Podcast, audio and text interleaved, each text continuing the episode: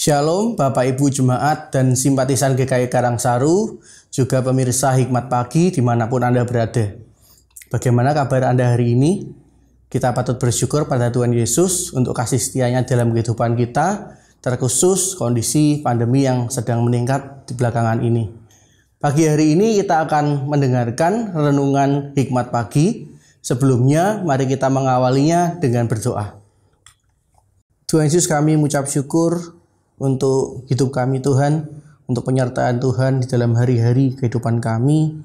Kami bersyukur untuk hari ini Tuhan, pagi kami sudah Tuhan bangunkan dengan kondisi yang sehat, segar, dan tidak kekurangan suatu apa pun. Terima kasih untuk sinar matahari dan udara pagi yang masih menjadi berkat bagi kami. Kami juga mau merenungkan Tuhan sebagian dari firman-Mu, Tuhan memberkati waktu ke depan supaya kami boleh tahu apa yang Tuhan ingin sampaikan kepada kami. Terima kasih Tuhan Yesus, hanya di dalam nama Tuhan kami, Yesus Kristus Allah kami yang hidup, kami berdoa dan mengucap syukur. Amin. Tema hikmat pagi pada hari ini adalah melakukan kehendak Allah dan renungan akan disampaikan oleh Saudara Devin. Bacaan pada pagi hari ini terambil dari Roma pasal yang ke-7 ayat yang ke-24. Saya akan bacakan bagi kita semua. Aku manusia celaka. Siapakah yang akan melepaskan aku dari tubuh maut ini?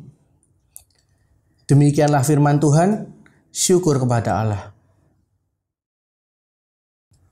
Pagi Bapak Ibu Saudara yang dikasihi di dalam nama Tuhan Yesus Kristus.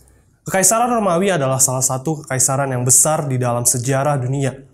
Di balik kebesaran kekaisaran Romawi, ada banyak kisah yang membuat setiap orang menggeleng-gelengkan kepala. Salah satunya adalah kebiasaan yang dilakukan para kaisar Romawi pada saat itu. Para kaisar Romawi memandang penyiksaan merupakan cara yang sah untuk menegakkan hukum. Berabad-abad yang lalu, beberapa kaisar Romawi terkenal sering menjatuhkan hukuman penyiksaan yang mengerikan. Salah satu penyiksaan terkenal yang mereka lakukan adalah dengan mengikat tubuh korban pembunuhan ke punggung pembunuhnya karena diancam hukuman mati, tak seorang pun yang berani melepaskan mayat itu dari si terhukum. Praktek hukuman yang mengerikan ini mengingatkan kita akan perkataan Rasul Paulus di dalam Roma pasal yang ketujuh. Ia seolah-olah merasa bahwa sesuatu yang mati diikatkan padanya dan mengikutinya ke mana pun ia pergi. Paulus mengungkapkan apa yang dialami setiap anak Allah.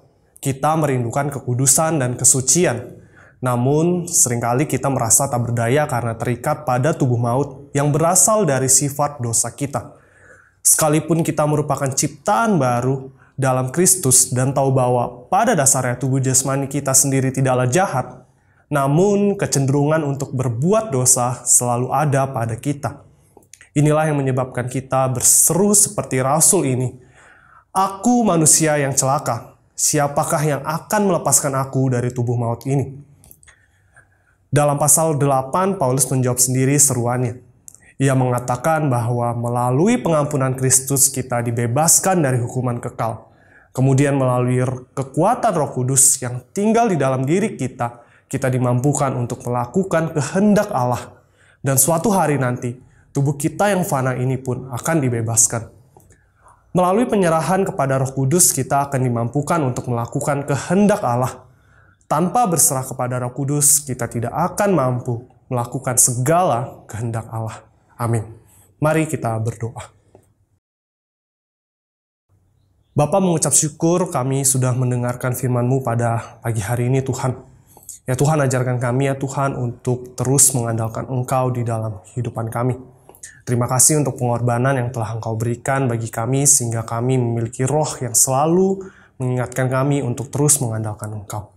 Ya Tuhan, kami menyerahkan sepanjang hari kami pada hari ini ke dalam tangan-Mu. Hanya di dalam nama Tuhan Yesus kami berdoa. Amin.